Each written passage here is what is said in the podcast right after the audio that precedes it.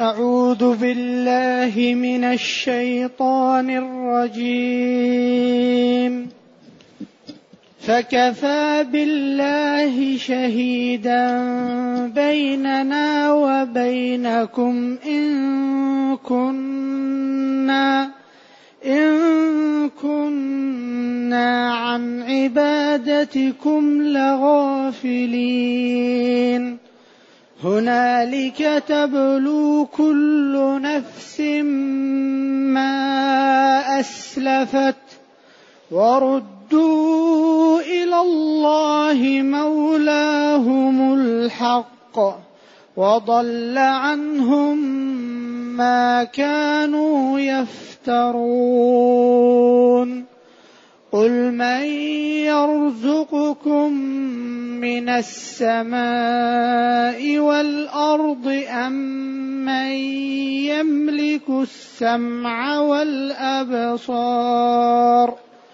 أمن يملك السمع والأبصار ومن يخرج الحي من الميت ويخرج الميت من الحي ويخرج الميت من الحي ومن يدبر الأمر فسيقولون الله فقل أفلا تتقون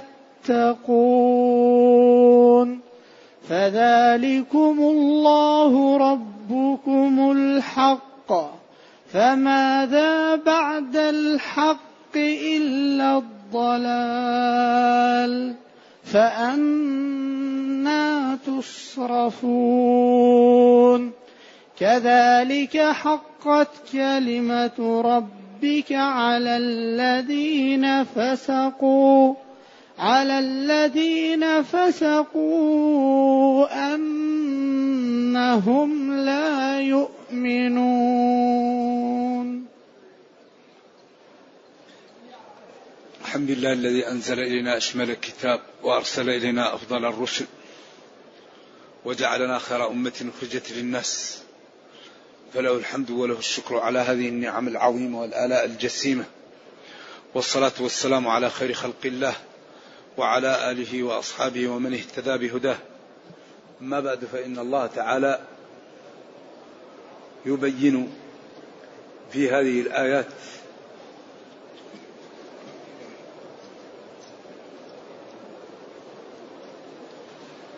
قدرته وشمول علمه. وأن الذين اتهموا المعبودين بعابديهم وأنهم رضوا فقالوا لهم قل لهم يا نبي قل فكفى بالله شهيدا بيننا وبينكم.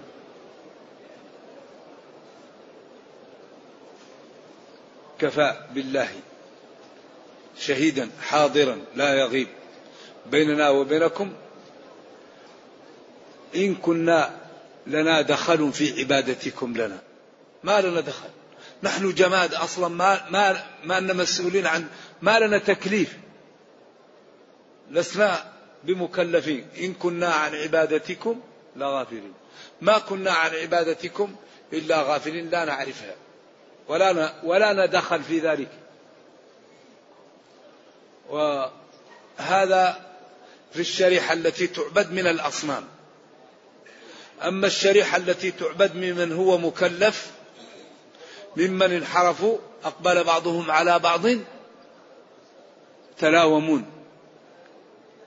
القول يقول الذين استضعفوا للذين استكبروا لولا أنتم لكنا مؤمنين. قال الذين استكبروا للذين استضعفوا أنحن صددناكم عن الهدى بعد إذ جاءكم بل كنتم مجرمين. إذا وأقبل بعضهم يتلاومون يعني النار مثواكم خالدين فيها. لكن الذي ليس فيه مركب فيه التكليف ما ذنبه؟ نحن يقول ما كنا يعني نحن أصلا ما لنا تكليف. فكيف لنا من عبادتكم؟ ما ذنب لنا في ذلك؟ هنالك تبلو أو تتلو في ذلك الوقت كل نفس تعطى جزاءها. كل نفس ما أسلفت. يعني تتبع أو تعطى أو يظهر أو يتضح أو ينجلي. كل نفس منفوسة كائنة ما كانت ما أسلفت ما قدمت. وهذا يتكرر حتى الإنسان لا يضع, لا, لا يضع في صحيفته إلا الكلام الطيب إلا الأمر الحسن. وردوا إلى الله. بعثوا. أي هنالك تبلو كل نفس ما أسلفت. أي تبلوه تعطاه أو تتلو.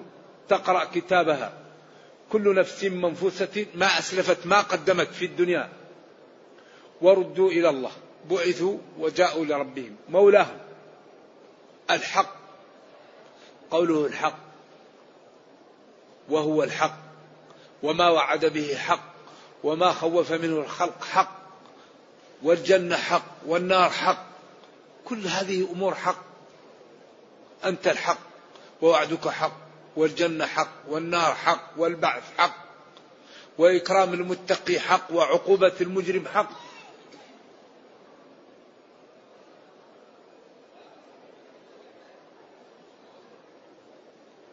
وضل عنهم ما كانوا يفترون. هذه المشكلة. في هذا الوقت غاب عنهم وذهب واضمحل افتراؤهم أو الذي كانوا يكذبونه من ادعاء الولد والنصراء والأعوان والكلام. يوم القيامة كل يذوب. والضلال يأتي في القرآن لمعاني. أظن أربعة. يأتي بمعنى الذوبان والإضمحلال. وقالوا أئذا ضللنا في الأرض. ويأتي بمعنى الذهاب عن الحق. تالله إنك لفي ضلالك القديم. هذا إخوة يوسف ليوسف ويأتي بمعنى النسيان. أن تضل إحداهما. ويأتي بمعنى الكفر. ولقد ضل قبلهم. أكثر الأولين كفروا إذا بمعنى الذواب والزوال والإضمحلال وبمعنى الخطأ وبمعنى الكفر وبمعنى النسيان. إذا هنا ضل ذهب واضمحل وغاب عنهم ما كانوا يفترونه في الدنيا. لأن هناك تنجلي الأمور وتشاهد الحقائق فتتغير الأفكار. كل شيء يتغير. لذلك العاقل ينبغي أن يغير الأمور ما دام الوقت في محل تدارك. أما إذا إنسان انتقل من, من الدنيا ما في تدارك انتهى. خلاص وجب. هنالك يوم القيامة تظهر تتلو أو تبلو تختبر كل نفس ما قدمت وعملت. وبعثوا وردوا إلى الله مولاهم الحق. مولاهم مربيهم يواليهم ينصرهم يكلأهم بالليل والنهار. لذلك هذا العبد ضعيف. الإنسان ضعيف. لكن الله رحيم وقادر وكلأه بالليل والنهار. قل من يكلأكم بالليل والنهار؟ يعني الإنسان لولا أن الله تعالى مقيد له حرس لكان في أول وقت أخذته الشياطين ورمته في في في قتلته لكن جعل على العبد حرس. كل واحد منا عنده حرس يحرسه. هو ضعيف. الإنسان ضعيف لا يتمالك. مجوف. الأذن الأنف العين. وخلق الإنسان ضعيفا. لكن الله جعل عليه حرس. إذا نام من يمنعه من تمتلأ أذنه من الحشرات؟ عنده حرس يدفع الحشرات. الأنف يمكن تدخل معه الصرصار أو لكن لا يحرس. له معقبات من بين يديه ومن خلفه. يحفظونه. الحفظ صادر من أمر الله. الحفظ كائن من أمر الله تعالى. أو يحفظونه بأمر الله على القول الآخر. إذا إذا جاء يوم القيامة ضل عنهم وغاب عنهم افتراؤهم وكذبهم وشركهم بالله. لكن في ذلك الوقت لا ينفع هذا. لا ينفع إلا شيء اليوم. إيمان صلاة استغفار توبة صدقة عمل الآن. أما ما دام الإنسان انتقل خلاص. إذا انتقل وشاهد الحقيقة يبدأ في الندم.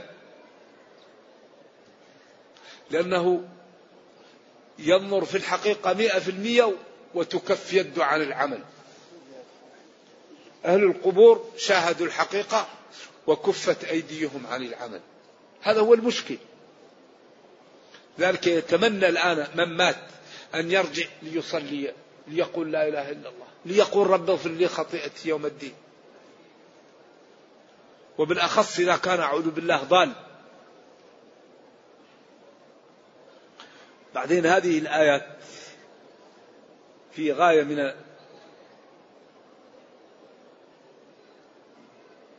البلاغة والبراعة والإيجاز والحسن بحيث إذا أراد المبين أن يبينها ينقص من بيانها لجمالها ولحسنها ولبراعتها وإيجازها وجمال ما جاءت به.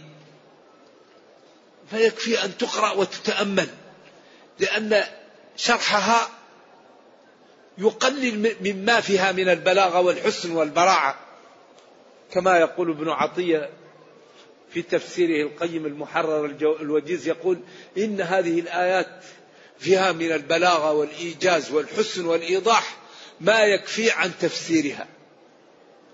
قل لهم يا نبي من يرزقكم من السماء والأرض؟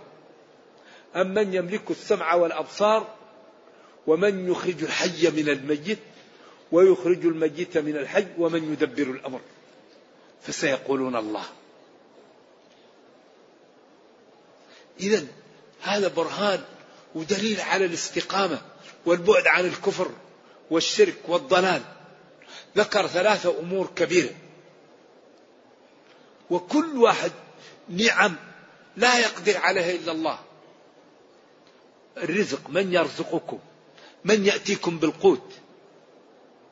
هذا لأن القوت هذا إذا لم يأتي الإنسان يموت. القوت من يرزقكم؟ نعمة الرزق من السماء ينزل المطر الأرض تنبت. فلينظر الإنسان إلى طعامه.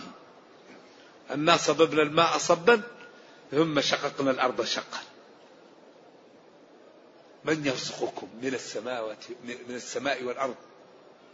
بعدين من يملك السمع والأبصار؟ السمع أفرده لأنه مصدر والأبصار لأنه جمعها حتى لا يظن فيه أنه لا يجمع. أعظم نعمة السمع والبصر. الذي لا يبصر يتمنى أن يبصر. ما في مثل البصر. الذي لا يسمع. وبعدين كيف أتى بالنسل؟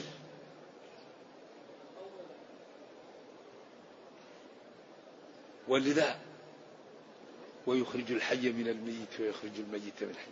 إذا هذه نعم كبيرة وآلاء جسيمة لا يقدر عليها إلا الله. طيب النتيجة ما وعد به من الحق هو قادر ينفذه. وما أوعد به من العقوبة هو قادر ينفذه. ونعمه جليلة علينا هو الذي يغذينا وهو الذي أعطانا موارد العلم السمع والبصر وهو الذي أخرجنا وأنشأنا من العدم وركب فينا هذه الشهوات وهذه المتع وجعلنا وهدى الذي أعطى كل شيء خلقه ثم هدى. الطفل إذا ولد فإذا هو يتمطق يريد الثدي من علمه؟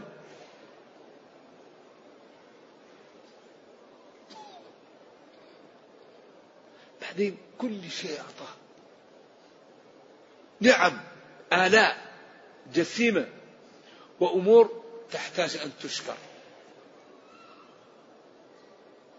والنتيجة ما خوف به جدير بتنفيذه وما رغب فيه جدير بتنفيذه. والدليل القدرة الهائلة. إذا ينبغي أن نمتثل ونجتنب. نمتثل الأوامر ونجتنب النواهي. الرزق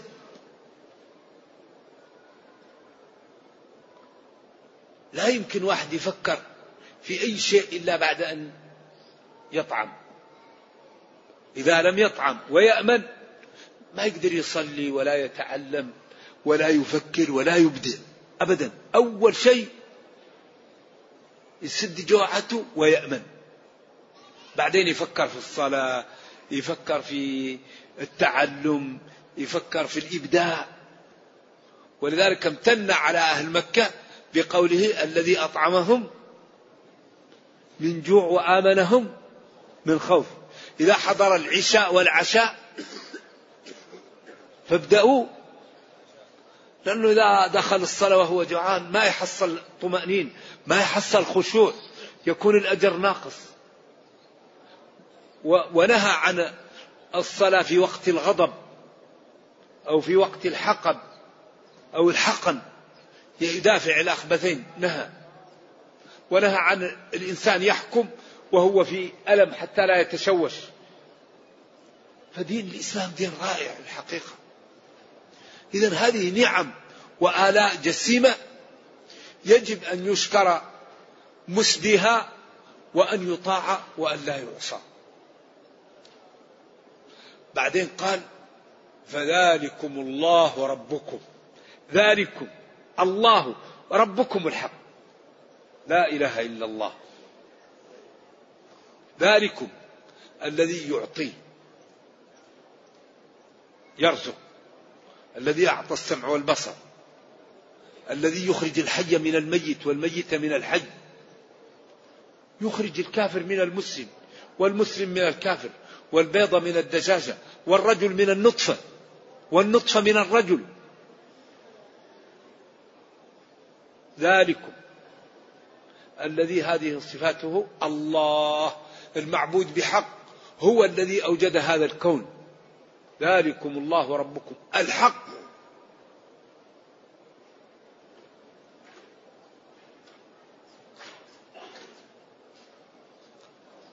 إذا نستقيم نخاف نبتذل ننتج نبادر. المسلمون ينبغي أن يكون لهم بصمات على هذا الكوكب. المسلم يكون له همة. المسلم لا بد أن يكون له إنتاج لدينه ولأمته. لا بد. يتعلم يفكر يخطط يستقيم يعمل. قل اعملوا. وإلا يكون المسلم مثل الدابة. نهارك يا مغرور سهو وغفلة وليلك نوم.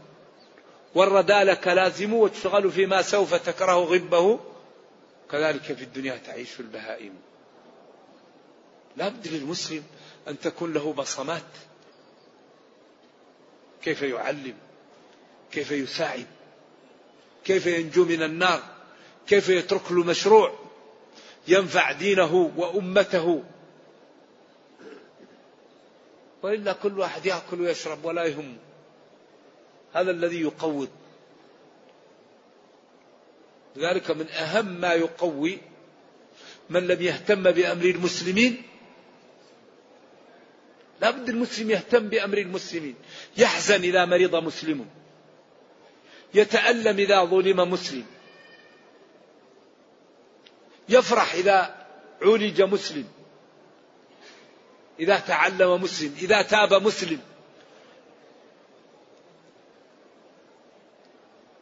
لذلك الحقيقة هذا الكتاب القرآن عجيب. فيه من المعاني والحسن والجمال والإبداع ما يعجز اللسان عن يبينه.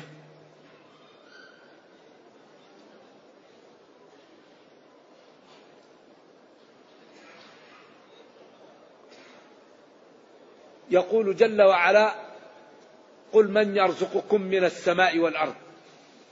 اولا هذه النقطة الأولى. ثم قال بعدها ومن يملك السمع والأبصار؟ هو الذي أعطاكم هذه النعم ويمكن أن يسحبها. في أي وقت؟ ومن يخرج الحي من الميت واعطاكم التناسل والا انتهى البشر بقاء. بعدين عطف عام على خاص قبله. ومن يدبر الأمر؟ كل الأمر بتدبيره.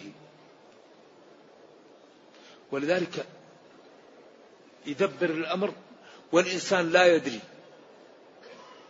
فرعون لما طغى وتجبر وقتل ذكور بني إسرائيل واستحيا نساءهم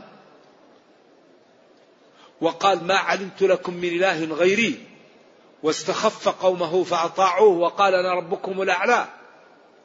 ربه أراد أن يبين له ضعفه وقدرة الله جل وعلا. فجعل فرعون يلتقط موسى ويربيه ليقتله. ولذلك قال تعالى فالتقطه آل فرعون ليكون لهم عدوا وحزنا المحققون من العلماء يقولون إن اللام لام كي وليست لام العاقبة كما يقول البلاغيون. لأن البلاغيين يقولون فالتقط فرعون موسى ليكون له قرة عين فعاقب ذلك أن يكون له عدوا وحزنا. لا هذا ليس التحقيق. وإنما التحقيق فأشاء الله وقدر التقاطه له لكي يجعله له عدوا وحزنا وما تشاءون إلا أن يشاء الله.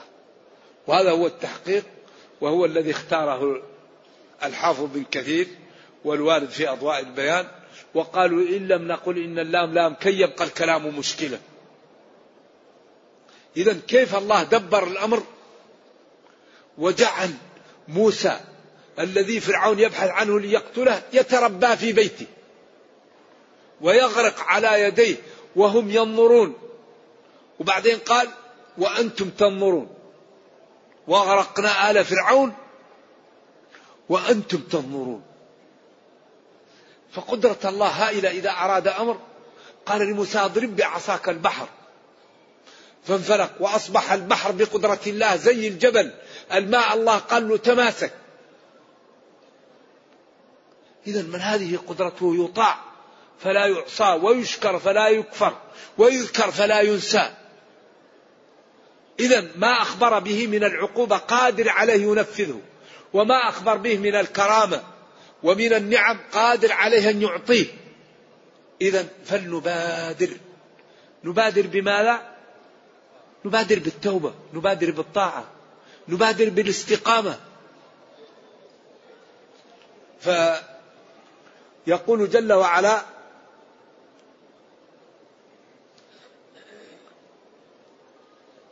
ومن يدبر الأمر عطف عام بعد خاص لأن تدبير الأمر يقع في هذا وفي غيره.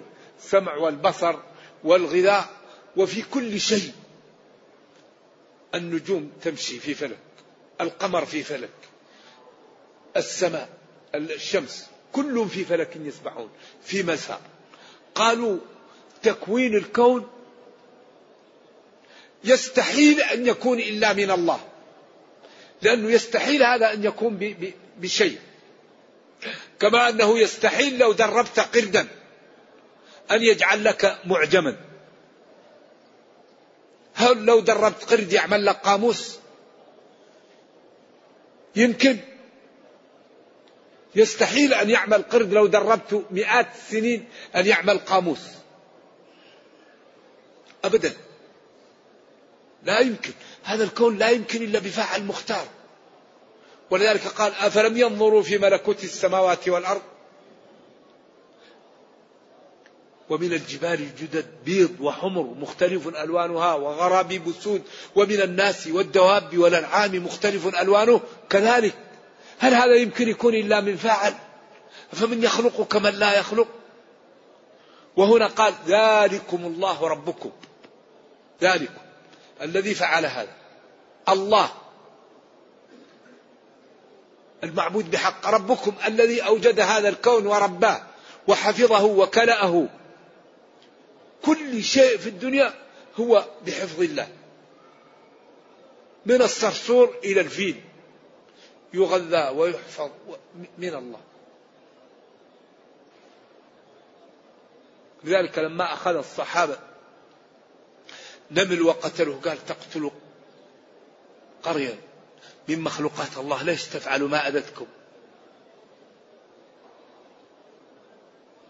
ونهى أن يجعل الحي غرض وهو لا يراد أن يؤكل. ونهى عن تعذيب خلق الله ونهى عن التحريق بالنار لا يعذب بالنار. ونهى عن المثلة. وقال إذا قتلتم دين دين عجيب الإسلام. والله حري بنا أن نعطي الوقت لديننا لكتاب ربنا. لا بد أن نتعلم. لا بد أن نبذل لا بد أن, أن ننقذ البشرية. هذه الأمة المسلمة نبيها خاتم الأنبياء. ودينها دين كامل. يحل كل مشاكل الكون. فحري بنا أن نبين هذا لأهل الأرض. والآن تقارب الأمور ووجدت الشبكات العنكبوتية والأمور تسهلت. وهذه الآلات التي تجعل البعيد قريب فحري بنا أن نجتهد لإنقاذ البشرية. لأن كثيرا من الناس إذا لم نبين له قد يلببنا يوم القيامة ويقول يا ربنا إن المسلمين عندهم الكتاب والقرآن والسنة ولم يبينوا لنا جمال هذا الدين وقد حالوا بيننا وبين الإسلام فما لا يكون جوابنا؟ ونحن واجب علينا أن نبين هذا الدين للبشرية. أن نبينه بنصوع وبحسن وبجمال. كل شيء مبين في ديننا. لماذا لا نبين هذا للناس؟ إذا هم سيقولون الله. كل هذه يعملها الله. ثم قال أفلا تتقون؟ إذا ما دام كل الأمور أنتم تعلمون أنها من الله كيف تجعلون له الأنداد؟ كيف تدعون غيره؟ كيف تصرفون حقوقه للمخلوقين؟ قل أفلا تتقون؟ ألا تستعملون عقولكم؟ ألا, ألا, ألا ترجعون لما قلتم قليل وهو أنه الله؟ فتتقون الشرك والكذب والمعاصي وتخلصون لربكم؟ إذا إذا قلتم الله ذلكم الله ربكم. ذلكم. الذي وصفتموه الله المعبود بحق.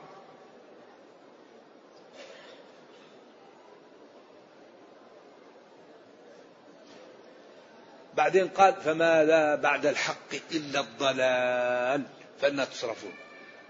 ماذا بعد الحق إلا الضلال هنا وقفة. مع النردشير ومع الشطرنج ومع البلوت ومع الغناء ومع المزامير ومع الرقص. فماذا بعد الحق؟ إيش؟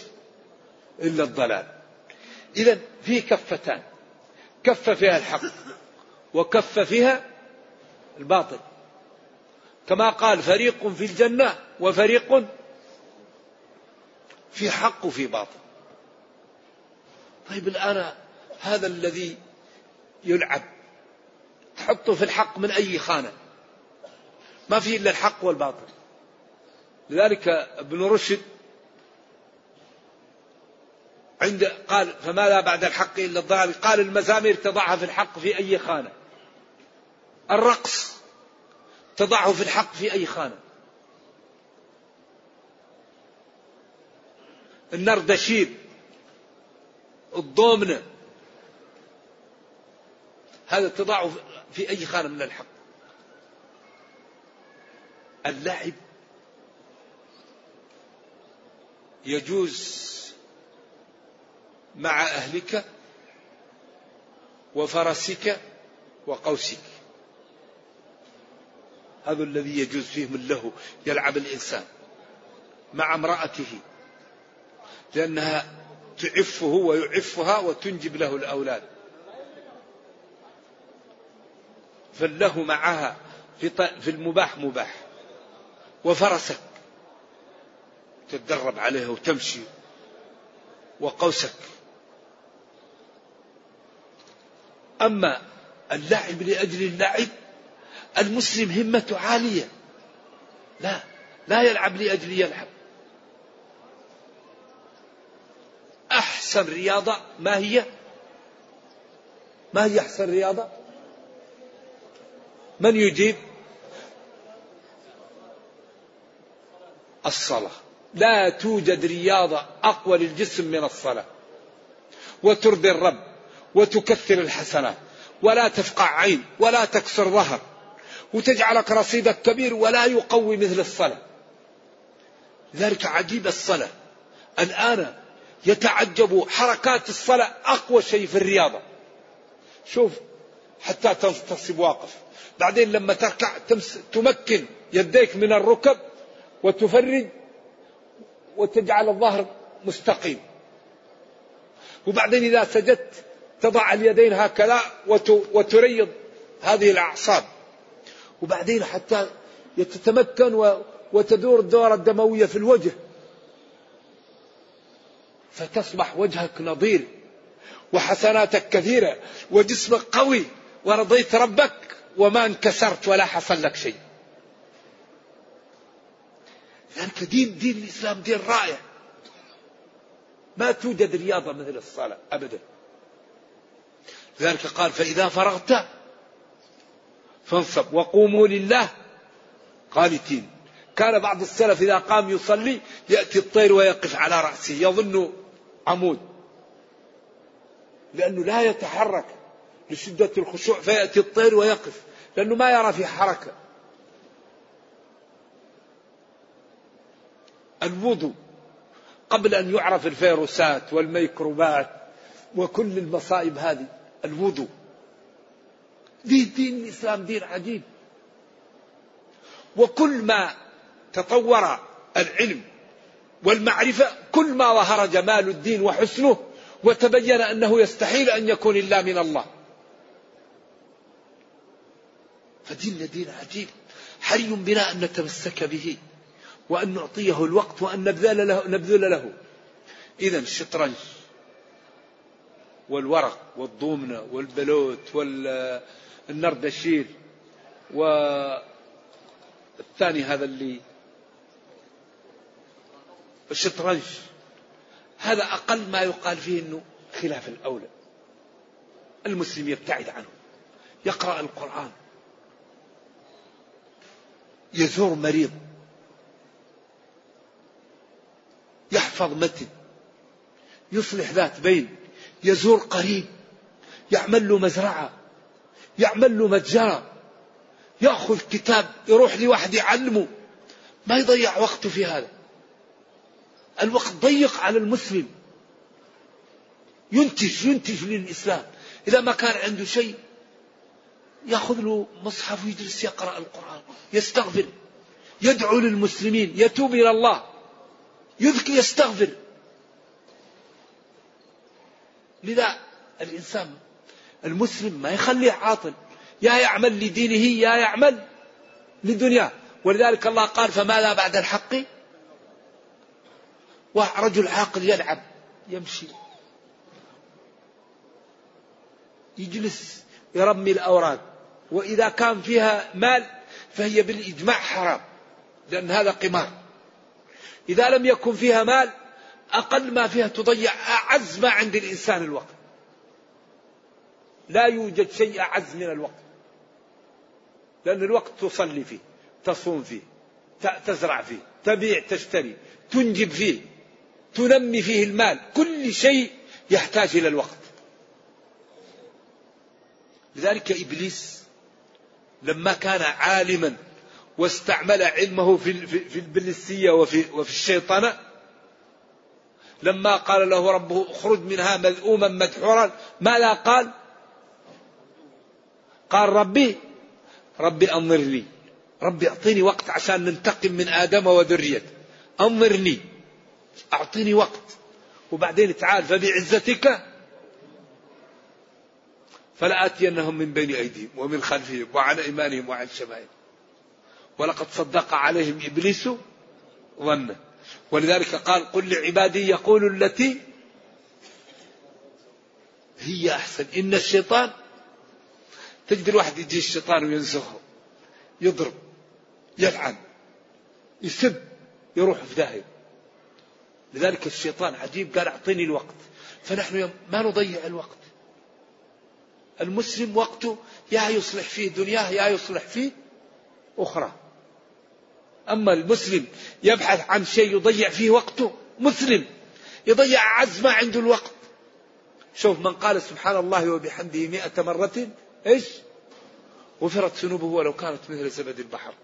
حديث الصحيحين هذا يأخذ منك ثلاث دقائق. من قال لا إله إلا الله وحده لا شريك له له الملك وله الحمد وهو على كل شيء قدير مئة مرة إيش؟ محت عنه مئة سيئة وكتبت له مئة حسنة. وغفر له ما تقدم من ذنبه. ولم يأتي أحد بأحسن منه إلا أحد قال من ما قال أو زاد. كم يأخذ منك عشر دقائق؟ قل هو الله أحد تعدل ليش كم تأخذ منك؟ يعني إذا الخير كثير. فكيف نضيع أوقاتنا بالورق وباللعب وبالكلام وبالأشياء؟ المسلم يشتغل لدينه أو لدنياه؟ المسلم نفسه كبيرة. أما المسلمون يضيعوا أوقاتهم. هكذا واحد يا خلينا نضيع وقت. وبعدين مشكلة يندم. لا لا تزول قدما عبدي حتى يسأل. أيوة. عمره فيما أفناه وشبابه فيما أبلاه علمه ما لا عمل فيه. من أين اكتسبه وفيما أنفقه. عمره. هذا الإسلام دين رائع الحقيقة. ونحن في حاجة ماسة إلى التعاون. نحن محتاج إلى أن نتعاون. وتعاونوا. تعاونوا. افعلوا الخير لعلكم تفلحون. قل لعبادي يقولوا التي هي أحسن. خذ العفو وأمر بالعرف وأعرض عن الجاهلين. فذلكم الذي هذه صفاته الله المعبود بحق ربكم هو الذي أوجد هذا الكون ورباه الحق.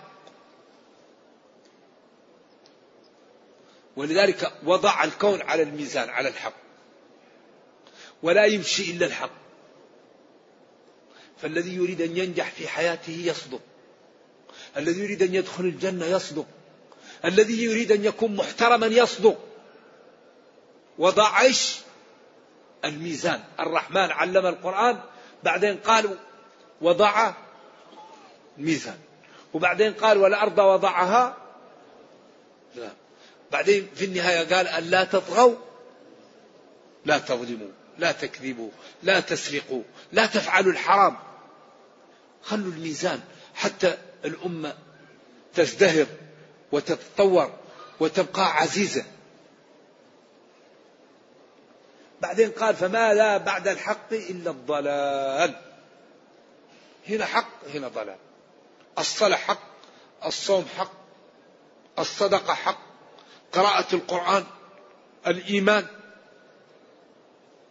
الكذب ضلال الغش ضلال الربا ضلال النجش ضلال أذية الجيران ضلال عقوق الوالدين ضلال تضييع ما تعول ضلال. التخلف عن الجماعة ضلال. النظر إلى الحرام ضلال. اغتياب الناس ضلال. الاعتداء على أموال الأيتام ضلال. ظلم الأيتام ضلال. في حق وفي ضلال. وكل واحد الآن في الدنيا يشوف الطريق اللي يحب. ألم نجعل له ولسانا؟ طريق الحق طريق الضلال وكل واحد ونفسه. ولذلك قال له يا فاطمة يا عباس سلوني لا أملك لكم من الله؟ كل امرئ بما كسب رهين. كتاب لا يغادر صغيرة ولا كبيرة؟ لا. فمن يعمل مثقال ذرة؟ خيرا يرى ومن يعمل مثقال ذرة؟ والله لا عذر لنا بعد هذا البيان. أبعد هذا البيان نحتاج إلى بيان؟ بعدين لما ذكر هذا قال فذلكم الله ربكم ذلكم الذي هذه صفاته المعبود بحق هو الذي أوجد هذا الكون. كل ما في الكون من الله. يعز من يشاء يذل من يشاء يحيي من يشاء يميت من يشاء يفقر من يشاء يغني من يشاء. قل اللهم مالك الملك. تؤتي الملك من تشاء وتعز من تشاء وتذل من تشاء. بيدك الخير إنك على كل شيء قدير. البرهان على ذلك يولج الليل في النهار ويولج النهار في الليل. إلى آخره. وهذا يتكرر يتكرر كثير. والنتيجة والغاية البدار البدار البدار البدار. المسارعة. الوقت ضيق. والمخاطر تكتنف. كل واحد منا. فكل واحد ينجو بنفسه. فأنا تصرفون أين تذهب عقولكم؟ أين تبتعدون عن الحق؟ فلا تتبعونه. وتسلكون طرق الباطل وتستحسنونها بأي طريقة يكون لكم ذلك. ثم قال جل وعلا كذلك حقت. كلمة وكلمات. ولذلك كلمة هنا لا بد التاء يكون مطلوق حتى يكون للرسم احتمالا يحوي. وكل ما وافق وجه نحوي وكان للرسم احتمالا يحوي وصح اسنادا كلمة ربك هنا التاء لازم تكون مفتوحة ما هي مربوطة ما هي هاء. ليش؟ لأن في قراءة أخرى كلمات ربك. وإذا جعلت مربوطة لا تتحمل القراءة الأخرى. وكان للرسم احتمالا يحوي. وهذا من إعجاز رسم القرآن وإعجاز معانيه وإعجازه. فهو كتاب معجز في كل ما يحويه من رسم ومعاني وأحكام وأسلوب. فهو كتاب متميز بيننا لا يأتيه الباطل من بين يديه ولا من خلفه. فحري بنا أن نتمسك به وأن نعطيه الوقت وأن نعمل به. كذلك مثل هذا حقت كلمة ربك أو كلمات ربك على الذين فسقوا أنهم لا يؤمنون. فلذلك لا ينفعهم هذا النصح ولا ينفعهم هذا البيان ولا ينفعهم هذا الإيضاح ولا يستفيدون من هذه البراهين والأدلة. نرجو الله جل وعلا أن يرينا الحق حقا ويرزقنا اتباعه وأن يرينا الباطل باطلا ويرزقنا اجتنابه وأن لا يجعل الأمر ملتبسا علينا فنضل. اللهم ربنا آتنا في الدنيا حسنة وفي الآخرة حسنة وقنا عذاب النار. سبحان ربك رب العزة عما يصفون وسلام على المرسلين والحمد لله رب العالمين. والسلام عليكم ورحمة الله وبركاته. هذا يسأل أسئلة مفيدة. يقول ما حكم حجز الأماكن في الحرم؟ الذي يحجز مكان في الحرم ولا يكون ذاهبا للوضوء ويرجع. هذا المكان ليس له. ينبغي للإنسان أن يجلس في في الصفوف المتقدمة. فإن أراد أن يخرج ليتوضأ ويرجع هو أولى بمكانه يحجزه. أما إن أراد أن يذهب لبيته ليستريح فالمكان ليس له. فيكون له المكان إذا ذهب ليشرب أو ليتوضأ ويعود على طول. أما يذهب ليأخذ غفوة أو ليعمل أمورا من دنياه ويحجز المحل هذا ليس له. إذا ينبغي للإنسان أن يجلس بنفسه فإن خرج لا يحجز محل. هذا الأولى. ما حكم شحن الجوالات من كهرباء الحرم الأولى لا تفعل. أيهما الأفضل البقاء في الصف الأول أم حضور الدرس؟ إذا كان الدرس فيه فروض عين وفي شيء تحتاجه لدينك أحضر الدرس. وإذا كنت الدروس لا, لا تحتاجها وعندك إقبال على قراءة القرآن والجلوس أجلس واقرأ القرآن وكل طيب. تشوف أيهم أكثر لك فائدة؟ لأن حضور الدروس مفيد والجلوس في الصف الأول مفيد. فتنظر أيهما أكثر لك نفع وكل منهم مفيد. نعم.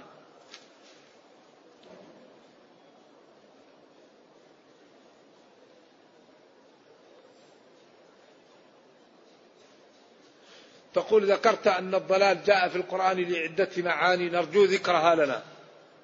بمعنى النسيان أن تضل إحداهما. بمعنى الذواب والإضمحلال وقالوا أئذا ضللنا في الأرض. بمعنى الكفر ولقد ضل قبلهم أكثر الأولين. بمعنى الذهاب عن, عن الواقع عن الحق الخطأ. تالله إنك لفي ضلالك القديم. نعم. أي في ذهابك عن الحق حيث تختار واحدا عن عشرة نعم. هذا إخوة يوسف ليعقوب. نعم. قالوا إن أبانا لفي ضلال مبين. هو يختار إحنا عشرة وهو واحد. اقتلوا يوسف أو اطرحوه أرضا يخلو لكم وجه أبيكم وتكونوا من بعده.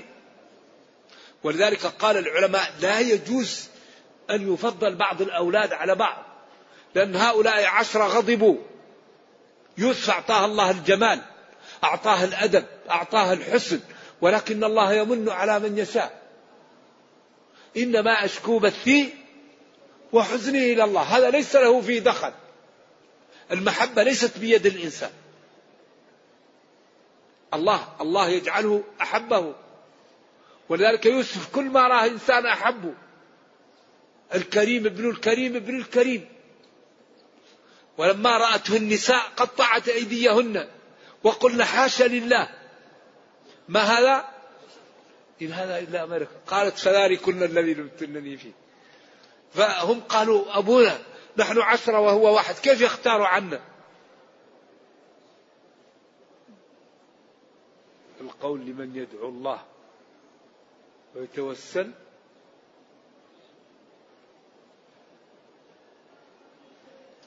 المقصود بالجهل. العلماء اختلفوا في هذه القضية. وفي رسالة اسمها التوسل والوسيلة كتبها الشيخ الإسلام بن تيمية رحمة الله عليه وهي موجودة والقضية مناقشة.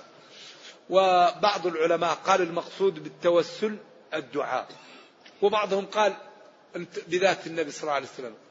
وإذا عدنا إلى إلى إلى القضية الأعمى قال له إن شئت صبرت وإن شئت دعوت. قال له ادعو. قال له اذهب إلى الميضة وتوضأ وقل يا محمد إني أتوجه بك إلى ربي في حاجتي لتقضى لي. اللهم شفعه فيه أي اللهم اقبل دعاءه فيه لأنه قال له إن شئت صبرت وإن شئت دعوت. ومما يزيد الأمر إيضاحا كون عمر رضي الله عنه عام الرمادة. قال اللهم إنا كنا نتوسل إليك بنبيك فتسقنا وهذا عم نبيك ادعو يا عباس. في البخاري والمسألة مبحوثة والناس تعمل من الحبش. أيوة تضع بعض الأمور في غير محلها. نعم.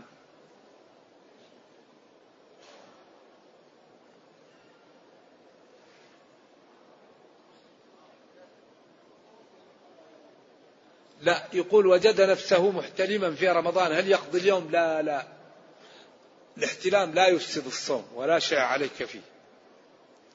تغتسل وتصوم لأن لا يكلف الله نفسا إلا وسعها. ما عليك شيء في النوم. وليس في النوم تفريط. ورفع عن النائم القلم. نعم. لا أعلم في هذا خلاف. يقول آه توضيح من هم الذين إذا اختلوا اختلوا بمحارم الله انتهكوها وأعمالهم هباء منثورا. هل لهم من توبة؟ نعم. ما دام الإنسان لم يغرغر وعلى قيد الحياة ولم تطلع الشمس من مغربها فالتوبة مفتوحة والإسلام والتوبة تجب ما قبلها. ولكن الذي يلعب ويجعل الدين سخرية لا يقبل هذا.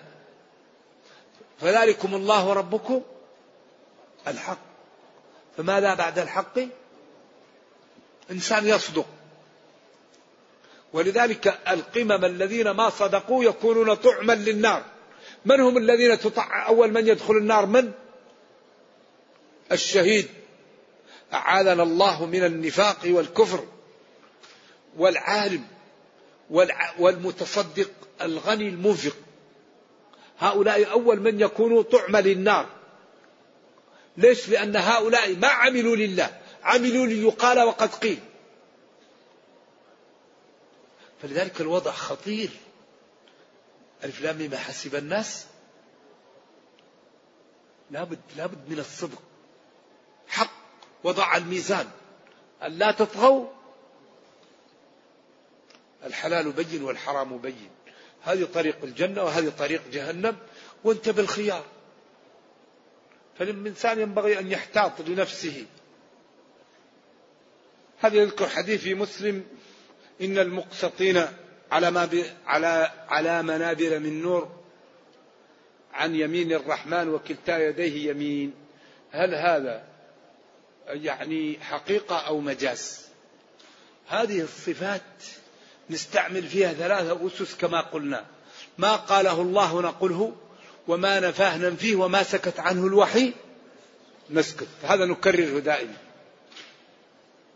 الذي وصف الله به نفسه هو قال قوله الحق ومن أصدق من الله قيلا. ونبينا قال له لتبين للناس ما نزل إليهم. فلم يقل فيها شيء. نقول كلتا يديه يمين صفة لائقة بجلال الله وكماله منزهة عن مشابهة الخلق لا نستطيع كيفيتها ولا كنهها نصدق وننزه ونقطع أفكارنا عن إدراك الكيفية. وبس.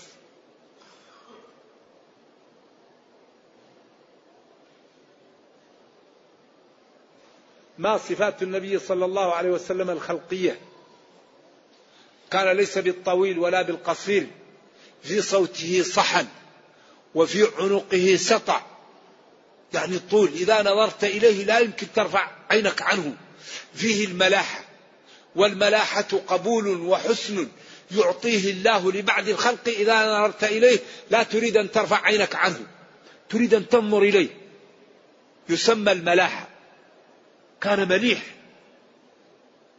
ليس بالطويل فيه كرادس عظامه وإذا يمشي كأنه يتقلع ولا ينظر وراءه.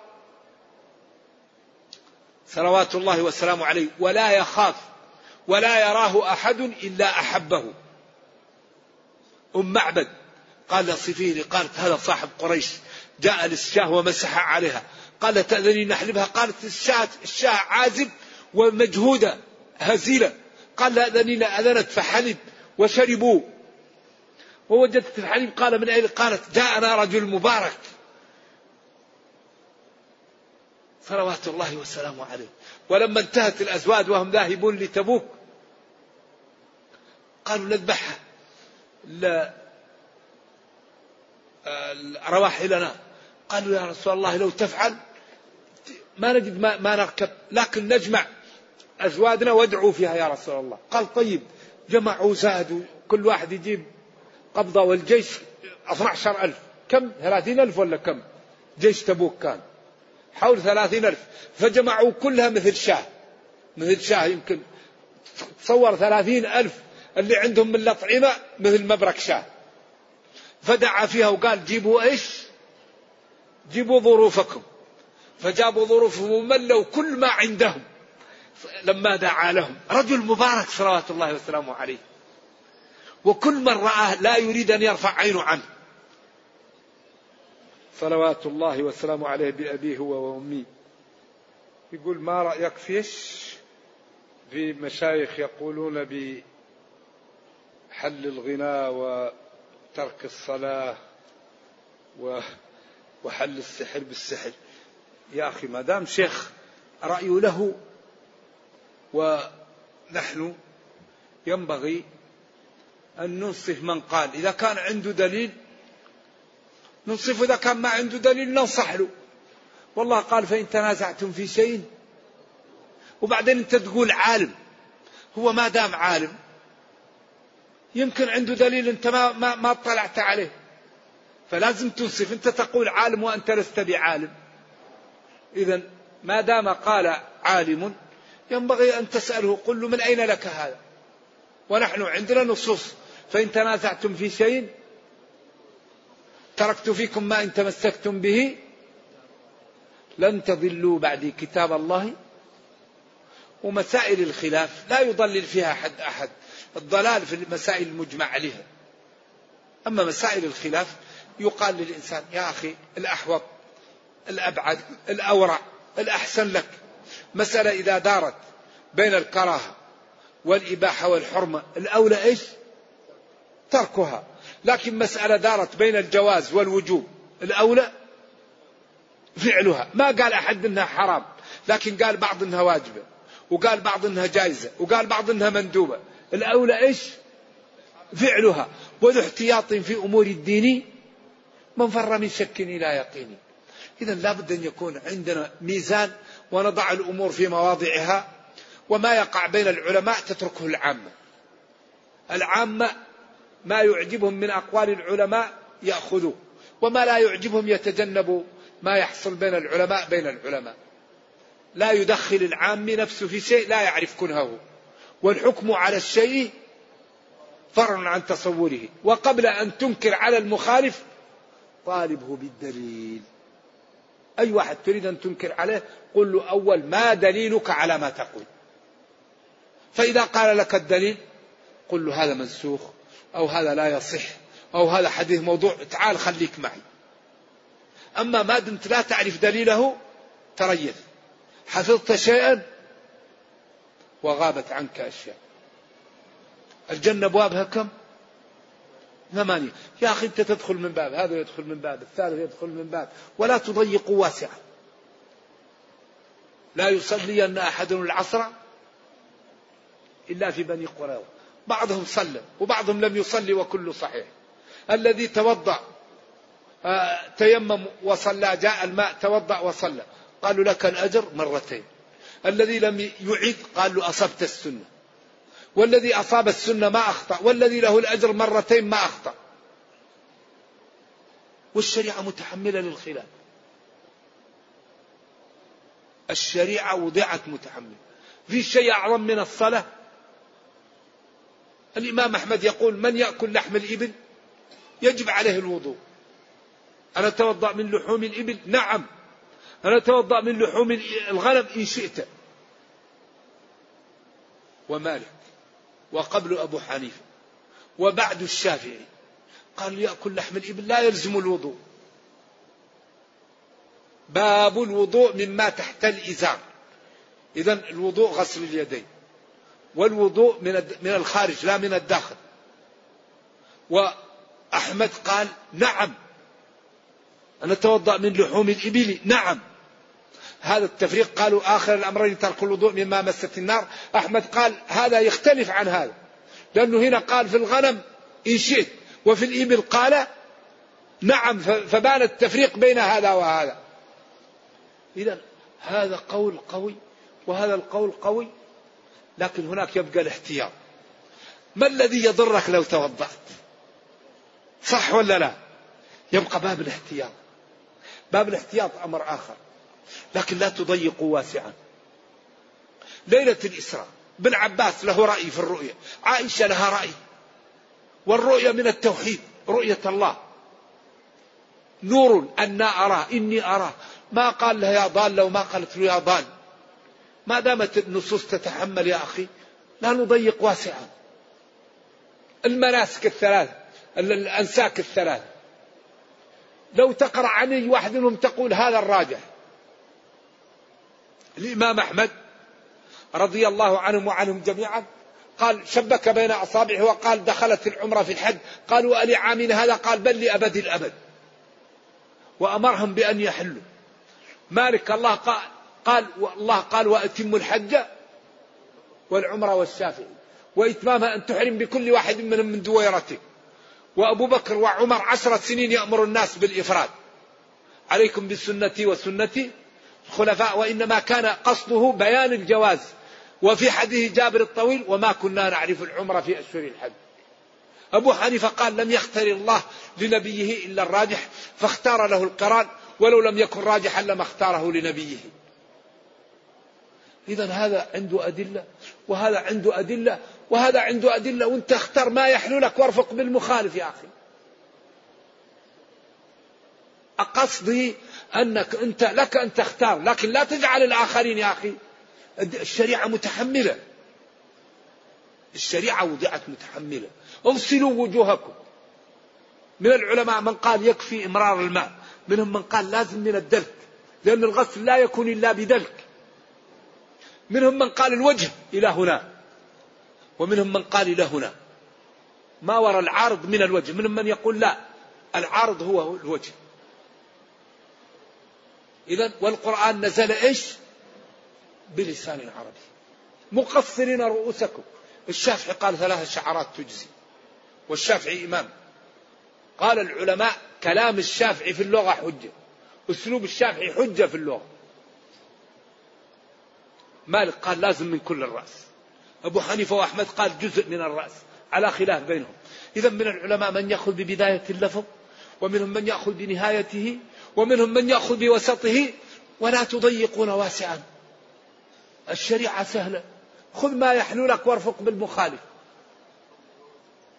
واضح؟ نرجو الله لي ولكم التوفيق.